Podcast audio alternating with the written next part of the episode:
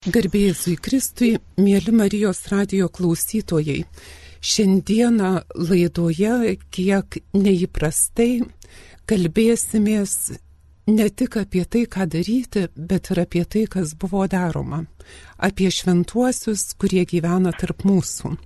Ir šiandien Na, laidai temą patiktavo Marijam Poliečiai, kurie daug metų pažinojo na turbūt 40 tie, kurie jau buvo gimę ir jaunesni, kurie pažinojo seserį Verutę Beišytę.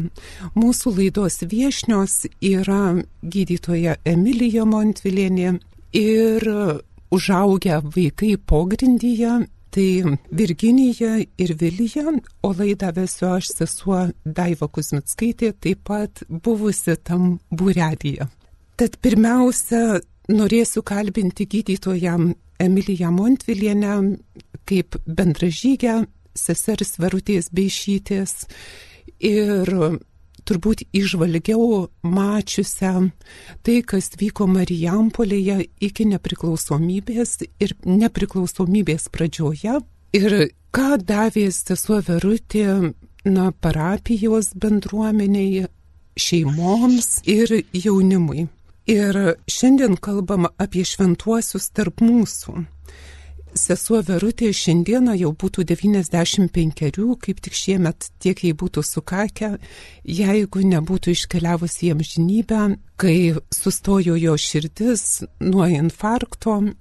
Sesuo Verutė buvo tokia, kad kai ji numirė, žvaigždės krito.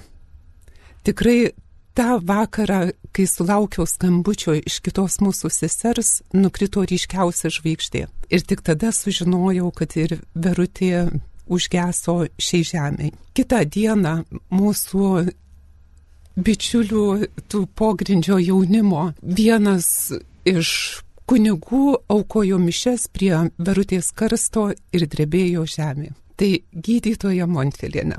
Verutė buvo ta, kuriai iškeliavus krito žvaigždės drebėjo žemė. Kuo ypatingas žmogus buvo Marijampolės bendruomeniai ir ypač kaip palėtė jūsų gyvenimą.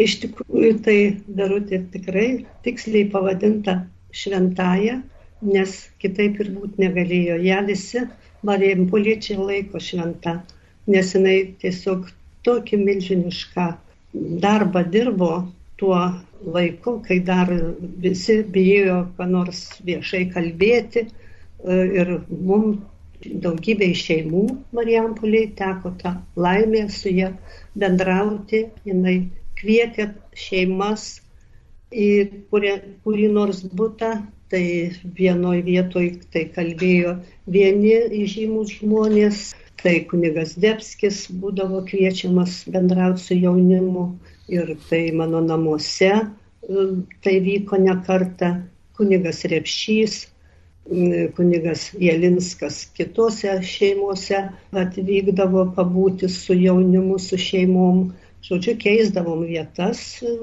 dėl atsargumo ir taip, e, žodžiu, mūsų akiratis plėtėsi, mes buvom labai laimingos tos šeimos, kad mus kviesdavo ne tiek dėl mūsų, mes jau šiek tiek žinojom apie visą tą, mm, kokioje valstybėje gyvenam, kokioje, kokia tvarka, bet kad mūsų vaikai tą viską girdėjo ir jiem tai buvo toks e, labai reikalingas, sakyčiau, prasmingas e, susipažinimas ir, ir su istorija, ir su dabartimi ir jie jau žinojo savo, e, turėjo savo nuomonę, kas Lietuvoje vyksta ir nebijojo eiti į bažnyčią ir jau daug ką sužinojo apie Dievą, o svarbiausia, kad dar dalinomės literatūra įvairių knygų, gaudavom ir vieni su kitais dalindavomės Ir kroniką skaitėme, man vis seselė Verutė į ligoninę atneždavo, paduodavo ir taip mano ir vaikai skaitė ir jau jiems labai labai buvo įdomu ir mano vyrui. Tai va šitaip ir, ir tęsėsi mūsų šita pagrindinė veikla, labai tokia reikalinga. Na, o prasidėjus atgimimui, tai jau buvo gausus būrys tokių pasiruošusi veikti legaliai, kalbėtis e, apie tikėjimą, apie, apie sugražinimą įvairių tų buvusių senoviškų iš nepriklausomos buvusios Lietuvos tradicijų. Tas viskas buvo atgaivinta ir nesunkiai sekėsi ir taip kūrėsi Karitas organizacija, kuriai vadovauti pavyko prikalbinti mane, nors aš nieko nesupratau, ką aš ten turėsiu daryti. Seselė Verutė e, paliko mane taip atsakinga už tą veiklą. Laimė, kad paliko ir sesutė Daivutė, su šios laidos vedėja. Tai man dar buvo tokia didelė parama, kad e, kažkaip tai buvo galima tęsti tą veiklą. O sesutė Verutė išvažiavo į misijas ir aišku, guodė mane laiškais ir taip stiprino mūsų tas idėjas, kad mes jas įgyvendintume. Tai teko 20 metų savanoriauti ir tikrai tos tik dėka, turbūt sesutės verutės to tokio mūsų palikto įdirbio, mūsų šeimose, mūsų vaikuose, kurie užaugo dori žmonės ir kurie dabar tęsia tą visą tokią gražią veiklą. Žodžiu, kad tikrai seserį Darutę galima laikyti šventąją, nes jinai mums ir iš dabar iš tenai tikriausiai padeda. Ir gydytojai, paminėjot kelis tokius svarbius dalykus. Viena, kad sesuo Verutė parveždavo į Marijampolę tokius tikrai šviečiančius kunigus. Susitikti su jaunimu organizuodavo tiek šeimoms susitikimus, tiek atskirai jauniem vaikinam, mergaitėm ir būdavo atskiri pokalbiai.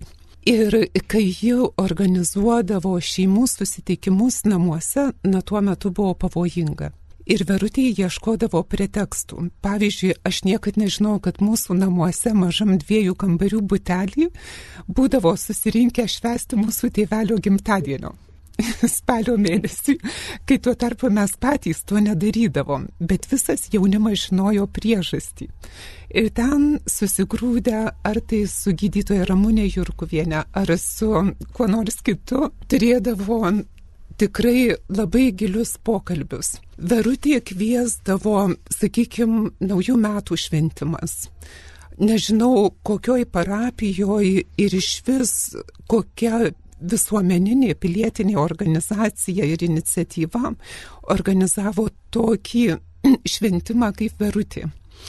Ir man atrodo, jūsų namuose tai buvo viena naujametė naktis, kada mes išklausę kunigo konferenciją, sudalyvavę šventose mišiuose, pradėjom šokti valsus. Tėvai sėdėjo pasieniais, iki ryto kalbėjosi, o mes tėvų akivaizdoj šokom. Ir tai būdavo taip įprasta. Ir verutės išvalga viena buvo. Sykį einamės gatvė ir jinai sako, žinai, aš vis galvoju, mūsų šeimos, kurios turi, na, paprastas sąlygas, kokius e, kuklius namelius, jie daug atviresni negu tie, kurie labai prasigyvenę. Ir sako, ar tu žinai kodėl? O todėl, kad jeigu saugumas pakratytų, būtų netaip skausminga prarasti tiek, kiek jie turi, o tie, kurie turi daugiau, tai ir jis sako, štai kur yra kilpos dabartinės valdžios, kad jį leidžia prasigyventi. Tai reiškia, kad dar labiau supančioja turtu. Ir verutė labai kvietė nebijoti dalintis tuo, ką turim. Ir pasakodavo įvairias istorijas, kaip pavyzdžiui, jaunas vaikinas sugalvoja stoti į seminariją. Likę porą dienų ir savaitgalis. Ir reikia charakteristikos iš kunigo. Bet reikia surasti kunigą, kuris parašytų tą charakteristiką. Ir jis sako, vienintelė išeitis šiandien pat. Nuveš tą jaunuolį taksi į Kazlų rūdą, nes jau autobusai nebevažiuoja. Ir jinai atiduoda savo pinigus, kiek jų turi, kad tas berniukas nuvažiuotų į Kaslurūdą, gautų charakteristiką ir grįžtų. Ir jis sako, aš einu namo ir galvoju, nu, darbas geras, viskas gerai, bet iš kur aš tų pinigų dabar paimsiu? Ir sako, tik pareinu skambutis į duris, ateina kaimynas ir sako, atnešu skolą. Kitas skambutis į duris, sako, kažkaip, vat, nu, užsidirbau pinigų ir galvoju, kad jūs, seselės, nu, turit kur išleisti. Ir jis sako, gaunu lygiai tiek, kiek aš sudėjau pinigų tam taksi. Ir dar turbūt tokį prisiminimą irgi norėčiau papasakot, ką Verutė darė. Ji ne tik vietė pas mus, bet mus veždavo e, pas žmonės ir sakydavo, jūs turite atsiminti, aš numirsiu, gal kalėjimuose žus Varinskas Tamkevičius, bet jūs turit pamatyti tuos, kurie žadina Lietuvoje tikėjimą. Kai tik tai kuniga Tamkevičių aplanko saugumas su krata, Verutė organizuoja Ardzijauską su Žiguliuku, įsodina mus 13 metas, 14 metas ir dar gal porą, kad žinau, mes buvom dvi jaunos 13 turbūt. Ir dar porą jaunų žmonių ir nuvažiuoja aplankyti į Kybartus tuo metu kuniga Tamkevičių. Ir jis pasakoja, kaip saugumas pasietėjo ir jis tiek vatoja. Ir tas susitikimas tik parodė, kad nu, ir tas saugumas yra žmonės, ir kad juos kartais galima apmauti. Ir svarbiausia tikėti, na, tuo, ką darai, viltimi. Tada, kai sužinojo, kad grėsia kalėjimas Varinskui, Verutė vieną, na, tamsų rudens vakarą nusivežė mus į viduklę ir pasakė, kad ji pati viduklietė žemaitė. Ir kalbėjosi apie va tą nesaugumą ir verutė mums sakydavo vis, mergaitės atsiminkit, tai yra mūsų šviesa, mūsų ateitis. Mes turim branginti tikėjimą, tėvynę ir tuos žmonės, kurie taip gyvena. Tada 79-ųjų vasarą, man atrodo, Verutė mus nusivežė aplankyti kunigą Jaugelį, jau begestantį nuo vėžio lygos, pogrindžio kunigą Kaune. Ir iš tikrųjų po pusės metų jis iškeliavo ir mes gavom palaiminimą ir vėl verutės tas pakartojimas. Štai kančia, Jėzaus kančia. Lovoje pašventinta, daug kainavusi, štai ką reiškia kunigystės dovana. Mano labai ilgas intarpas, bet turbūt mes kiekviena galėtume austi ir atausti įvairiausiais prisiminimais. Kuo dar galėtumėt pasidalinti? Tiesiog neužmiršti jos reikia tų idėjų, to, to noro, to tokio entuzijazmo, to savęs aukos pavyzdys tai yra neužmirštamas. Juk jinai savęs visiškai nežiūrėjo, už tai dar, taip ir tos sveikatėlės anksti neteko. Visur jinai suspėdavo pas ligonius ir, ir net e, lygų iš jų parsineždavo, nekreipdavo dėmesio į tai, bet visus sunkumus nugalėdavo vardan tikėjimo, vardan geresnės Lietuvos ateities, vardan tų susirinkusių žmonių, kurie taip e, godžiai klausydavosi tų visų gražių kalbų, tos maldos, religinės šventės tiesa būdavo švenčiamos, e, va taip pogrindyje, nepraleisdavom šitos progos niekada. Tai mums būdavo didžiausia laimė. Tai va, ir išsaugojom tikėjimą ir tie vaikai va, netitolo nuo bažnyčios ir, ir va, tik, tik, tik reikia tai vertinti, žinoma, suprasti, bet ne visada išeina. Gydytoja, sakykime, jūsų šeimoje, ką vaikai prisimena? Tai ypač mano su, vyriausias sunus, jau jis buvo vyresnis amžiuje, paauglys, prisimenu, kaip jisai klausydavo tyčiai. O aš džiaugdavausi, nu gerai, sakau, tai gerai, jis čia viską girdi, taip ir kad džiaugiuosi, kad įmiai klausosi. Prisimenu, labai jį domino Algerdo Patacko, buvusio Seimo nario, irgi jam žinot, įsimiręs jau. Tai jis ir pasakojo savo išgyvenimus, kai suėmus e, saugumui jį tenai kamantinėdavo, kaip ten buvo jisai klausinėjamas ir kaip jisai sakė, nu, atstovėjau aš tokioj kameroje, kad negalėjau nei atsisėsti, nei atsigulti, bet e, turėjau stovėti ir dar vandens lašų kapsėjimą jausti ant, ant galvos. Ir tiesiog mane taip paveikė, kad aš iš to tokios sielvarto, iš tokio pažeminimo tiesiog ne, man beliko tik melstis ir net stebėjausi pats savimi, kai prisiminiau daugybės evangelijų žodžius mintinai. Ir vat mane tas stiprino, gelbėjo atlaikyti vyriškai tą viską. Kaip įdomu, aš tik pridėsiu, iš to susitikimo labai prisimenu, kai Algirdas Patackas sėdi tyli, mūsų būrys, klausomės, ankštoj, ankštoj patalpoj visi susispraudę, jauni ir, ir va tėvai mūsų. Ir Algirdas Patackas sako, baisiausias dalykas, kurį gali žmogaus atimti, tai jo galimybė dalintis meilę ir saugumas mūsų uždarydamas kalėjime tą padarė. Tai čia turbūt ir galima būtų pasakyti apie Verutę, jinai buvo ta, kuri dalinosi meilę pati ir dar vežė žmonės, kurie tą meilę dalino mum. Tai gydytoja labai dar, jeigu turėtumėt ką pasakyti, ko nespėjot. Aš mm, labai labai vertinu, kad skaityti geras knygas nes aš buvau ištroškusi šito uh, galimybės, kadangi na, nei mokykloje, nei studijuojant nebuvo tokios progos ir galimybės atgauti gerų knygų ir laiko, žinoma, nebuvo. Ir aš, kai pradėjau čia skaityti, atvažiavusi dirbti į Marijampolę, tai mano tikėjimas dar labiau sustiprėjo ir tiesiog dabar, kiek galiu, raginu ir vaikus, ir, ir šiaip patariu, kad reikia semtis žinių iš gerų knygų, o ne iš televizijos. Ji dabar knygų galybė yra visokiausių. Ir kad vat, Marijos radijas ir geros knygos gali žmogų tikrai išlaikyti gerame kelyje, tobulėti ir, ir, ir nedaryti klaidų.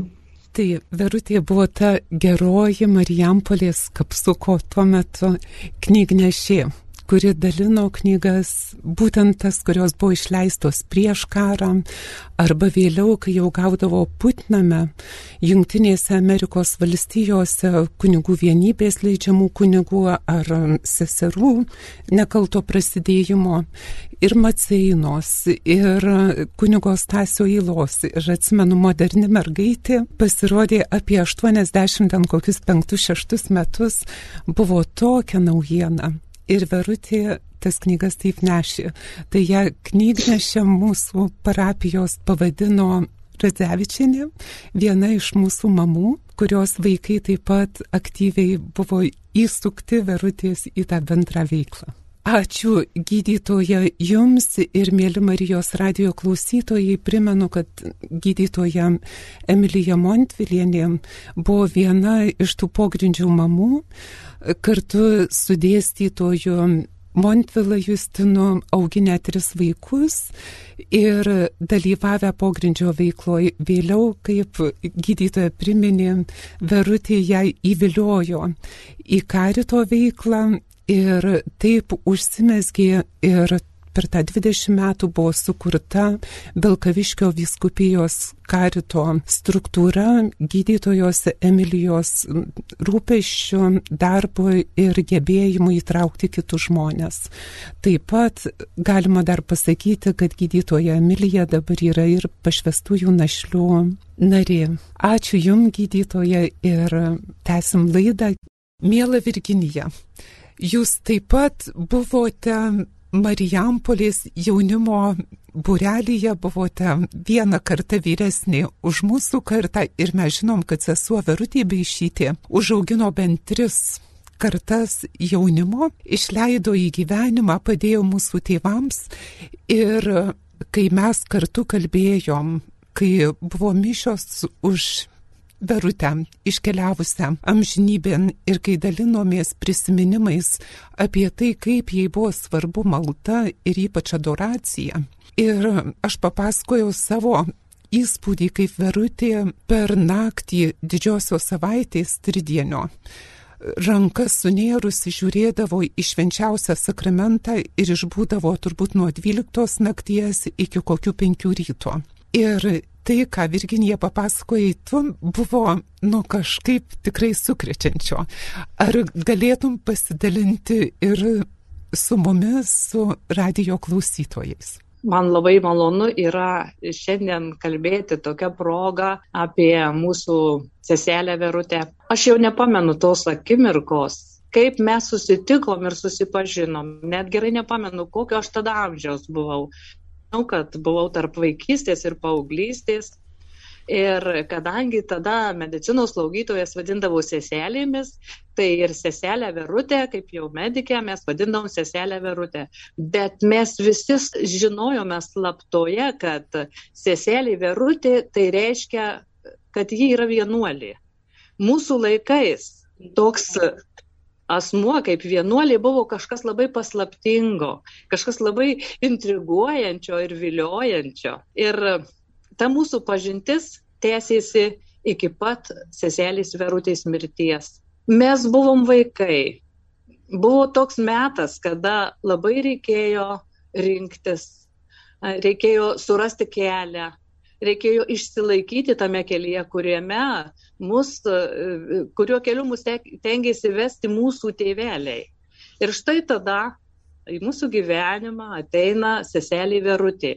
Buvo labai dėmesinga mums vaikams. O kogi mums vaikams labiau reikia? Dėmesio. Mes e, tuo metu adoruodavom Velyknaktį nuo vakaro iki pat ryto šventųjų prisikėlimų mišių Ir vaikai, ir jaunimas visą naktį melsdavomės, adoruodavome, gėdodavome giesmes. Ir aišku, visada būdavau šalia sesuo Verutė. Labai norėčiau pasidalinti tokia viena istorija, kuri iki šios dienos yra labai ryškiai mano atmintyje išlikusi. Taigi, vieną Velyknaktį sesuo Verutė paryčiui prieina prie mūsų ir sako, aš norėčiau jūs keletą mergaičių pasiūsti į tokią labai atkampę parapiją, kurioje niekas nedalyvauja procesijoje. Ir ten yra jaunimo ir vaikų, bet jie gal nedrįsta, jie gal neturi pavyzdžio. Ir aš labai norėčiau, kad jūs nuvyktumėte į tą parapiją ir ten galėtumėte savo asmeniniu pavyzdžiu parodyti, kaip galima būtų ten dalyvauti šventose mišiuose tikrai taip iškilmingai.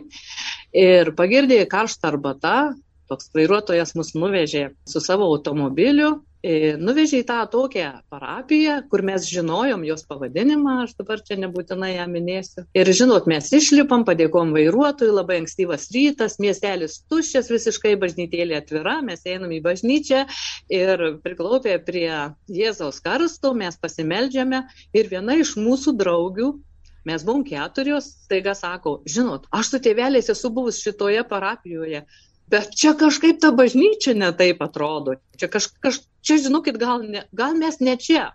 Mes, aišku, pasimetėm ir pamatė kamputėje Zakristijoną, tokį garbaus amžiaus, mes prieinam ir klausėm, na ar čia ta parapija, ar čia ta. Nu ne, sako mergaitės, nu ne čia. Ir staiga mes atsidurėm tokioje situacijoje, kur mes esam, niekas mūsų nelaukia ir mes kaip ir niekieno esame. Ir paklausėm, o tai kur ta parapija, į kurią jau Verutė mus buvo nukreipusi. Ir tada jis pasako, nu tai kokie 7-8 kilometrai mums viena valanda iki šventų prisikėlimų mišių ir mes nurodytą kryptim bandome eiti. Šaltas rytas, toksai labai ankstyvas brėžta. Ir jau, ir jau, žinot, miestelis tas jau retėja ir staiga mes pamatom, kad prie vienų namų stovi toks sunkvežimis.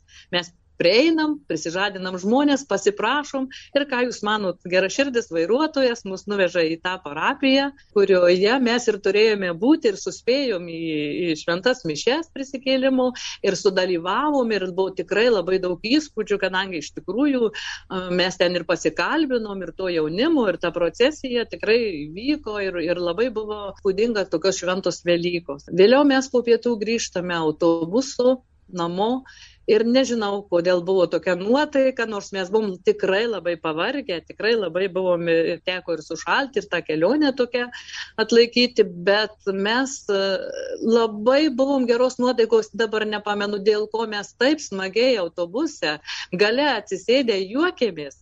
O autobuse jau buvo keleivių, kurie nemažai ten jau važiavo į namus matyti iš svečių. Ir žinot, jie visai ant mūsų nepyko, jie visi dairėsi į mus ir jie visi šypsojasi ir jie visi kartu su mumis juokės. Buvo tikrai labai smagu ir kai praėjo daug metų ir kai po savo santokos sakramentų mes išėjome ant bažnyčios laiptų, tai prie jos sesuo Verutė ir mus labai nuoširdžiai pasveikino ir įteikė man voką sakydama, aš parašiau tau laišką. Ir kai aš tą laišką perskaičiau, tai ten tikrai buvo labai gražių, nuostabių palinkėjimų, beje, tarp kitko, sesers Verutės raštas buvo labai gražus, labai dailiai rašė ir ten buvo parašyta tokie žodžiai.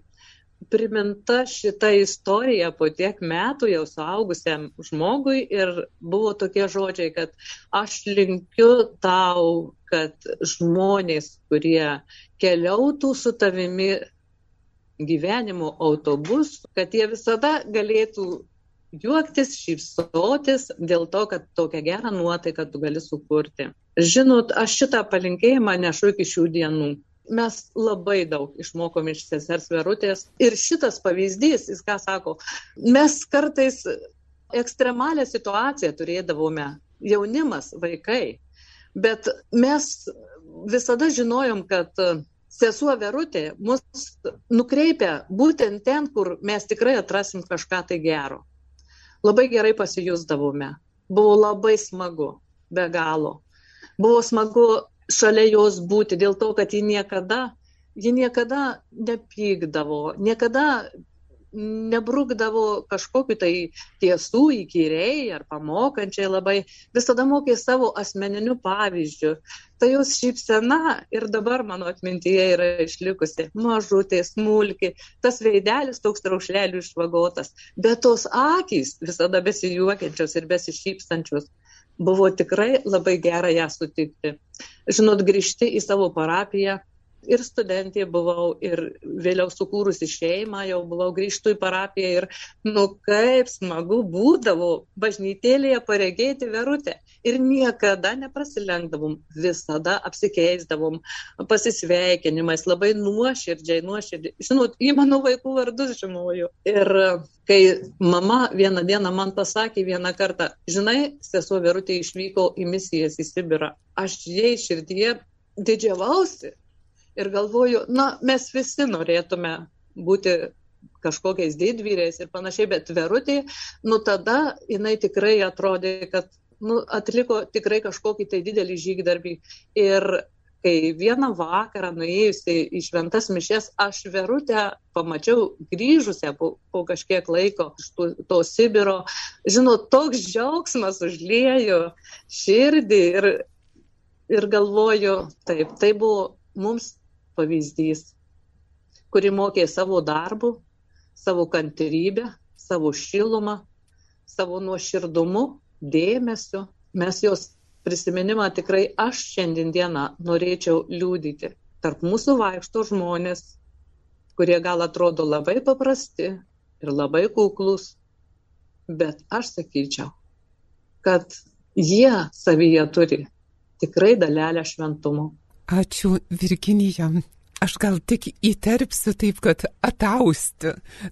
Tai, ką girdėjau iš pačios, na, Verutė tikrai buvo Sibirė išsiųsta vienuolijos dirbti Novokuznieckę ir Prokopjevskę su broliais tėvais redemptoristais ir mes aš ją lydėjau į, į Sibirą, į jos misiją. Pirmą kartą traukiniu ir kai mes nuvažiavom, Verutė apsiverkė, pamačiusi kunigo kuris patarnavo ukrainiečiams, vokiečiams ir labai keliems rusų kilmės tikintiesiems.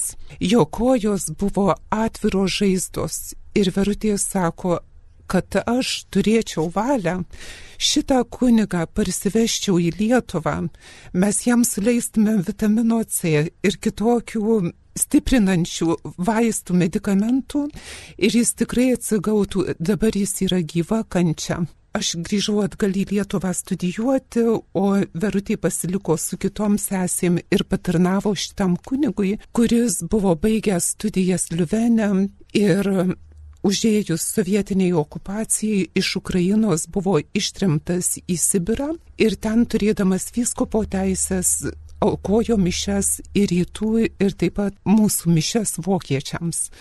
Vėl turbūt galėtume pratesti mūsų pokalbį ir jau kreipčiausi į Viliją, nes Verutė sugrįžusi parvežė dovanų skarą. Ir visai kitos šeimos ir jau trečios kartos mergaitį. Ir dar ką prieš kalbindama Viliją norėčiau pasakyti, kad Verutė pati buvo našlaitė. Našlaitė liko septyniarių metų ir tėvelis jas tris dukras užaugino. Studijavo pokario metais, dalinosi atminimais apie partizanus, kuriuos gaudė stribai net ir ligoninėje. Ir Verutė, kuri atrodo galėjo labai būti įsiskaudinusi ir ant Dievo, ir na viso pasaulio dėl savo sunkaus gyvenimo atvirkščiai į visom jėgom pati viską, ką galėjo, ėmė ir dalino. Ir vieną dar detalę pasakysiu, kai Verutė studijavo mediciną, ruošėsi būti medseserė Ir kai jinai baigė geriausiais pažymiais medicinos mokyklą, jai buvo pasiūlyta stoti į institutą ir Verutė iki pat savo mirties įsižeidusi iš kuklumo, nesuprato, ką jai gydytojai dėstytojai siūlė. Jis sako, aš noriu tarnauti žmonėm. Kaip man gali siūlyti būti gydytoja? Mano pašaukimas būti medseserė. Ir ji to ištikimai laikėsi ir taip pat buvo jautri kitų vargui ir skausmui.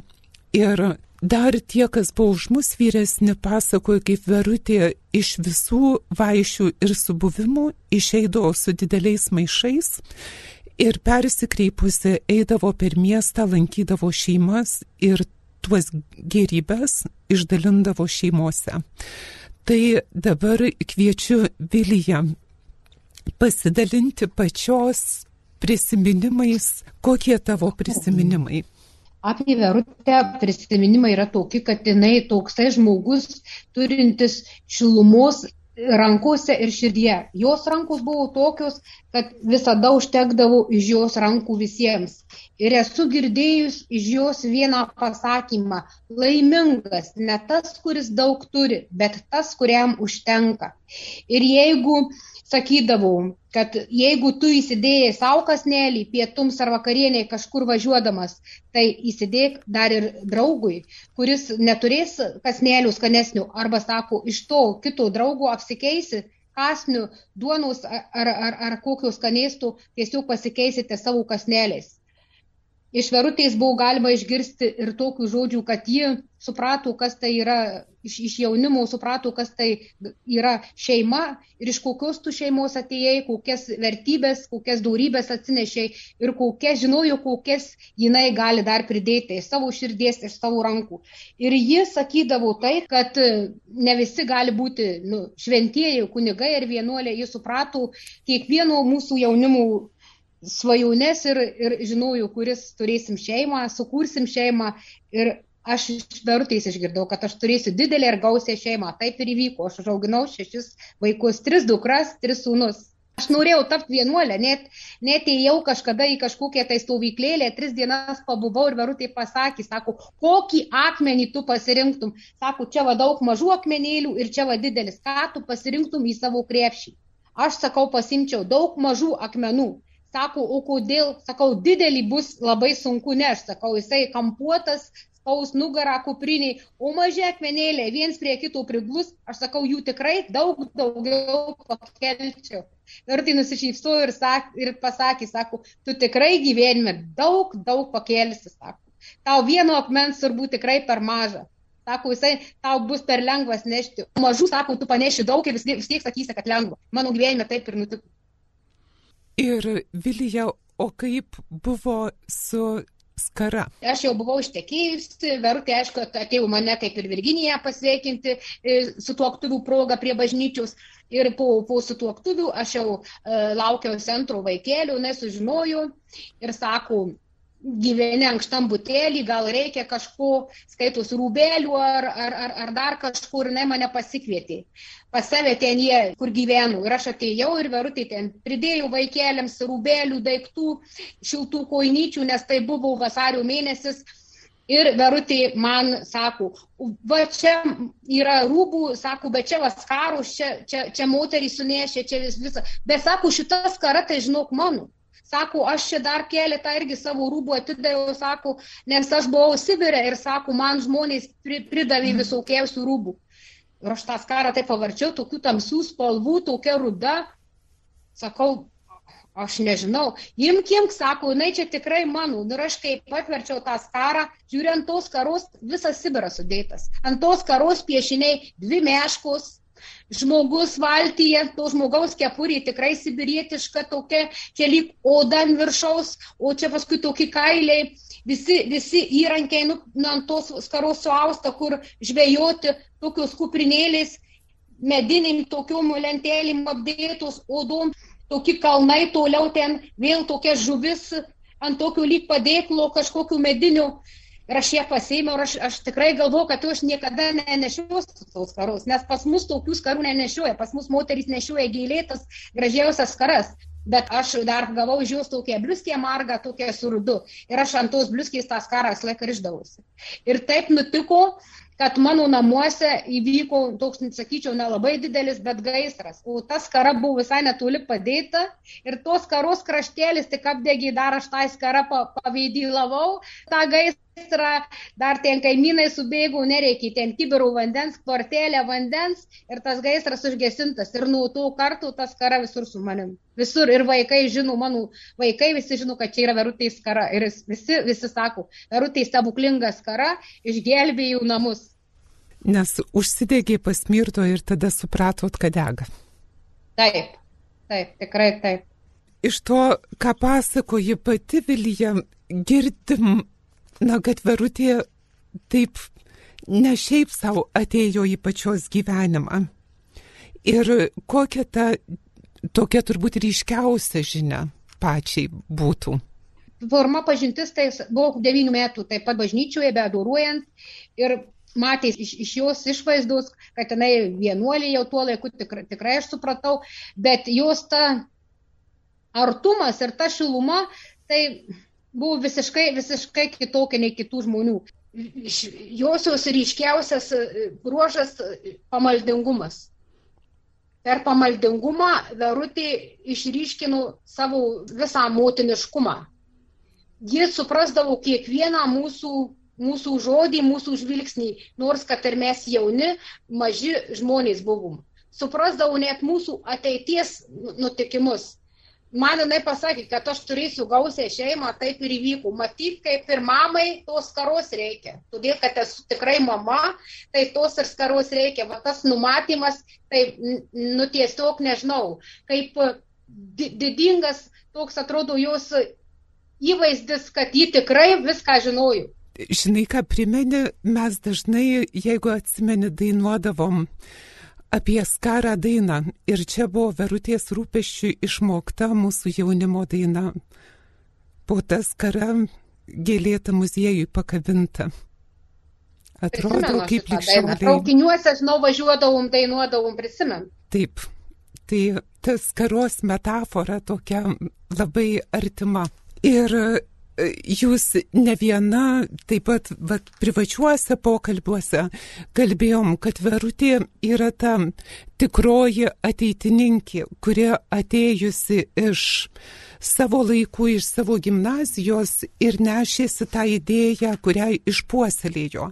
Taip kaip ir gydytoja Montvilienė kalbėjo, paminėjo, kad Verutė sovietmečių paruošė mus Marijampolės parapijos jaunimą nepriklausomybės laikams. kad mes galėtume įsilieti ir visų pajėgumu atsiduoti naujai kuriamai ir karito, ir ateitininkijos organizacijoms. Ir visa ta pilietinė katalikiška iniciatyva tikrai smarkiai sužydo Marijampolės apylinkėse. Ir tai turbūt yra tie didieji mūsų visų paprasto gyvenimo uždaviniai. Ką reiškia šiandieną siekti šventumo? Kad gyvename šventųjų dienos ir vėlinių atmosferoj, tai ta žinia, vat, vieno žmogaus gyvenimas kiek daug reiškia mums ir tikrai žinom, kad gyvename tarp šventųjų ir jeigu žiūrėtume į pirmuosius krikščionis, kurie vieni kitus vadino šventaisiais, tai verutės gyvenimas, verutės pavyzdys kviečia mus taip pat vienam kitame matyti šventąjį. Ir gyventi lyg mes patys būtume su užduotimi na, kai kurie mūsų kunigai sako, gyvenimas duotas ir užduotas. Tai turim dovaną gyventi ir užduoti būti šventėm. Tai mielos gydytoja Emilija, Virginija ir Vilija, jūs, kurios prisiminėt verutę ir nuolat raginat mus dalintis žinia apie jos gyvenimą, dėkoju jums ir taip pat mėlyjams radio klausytojams atsisveikinu. Laidą vedžiau aš, sesuo Daiva Kuzmitskaitė. Iki kitų kartų su Dievu.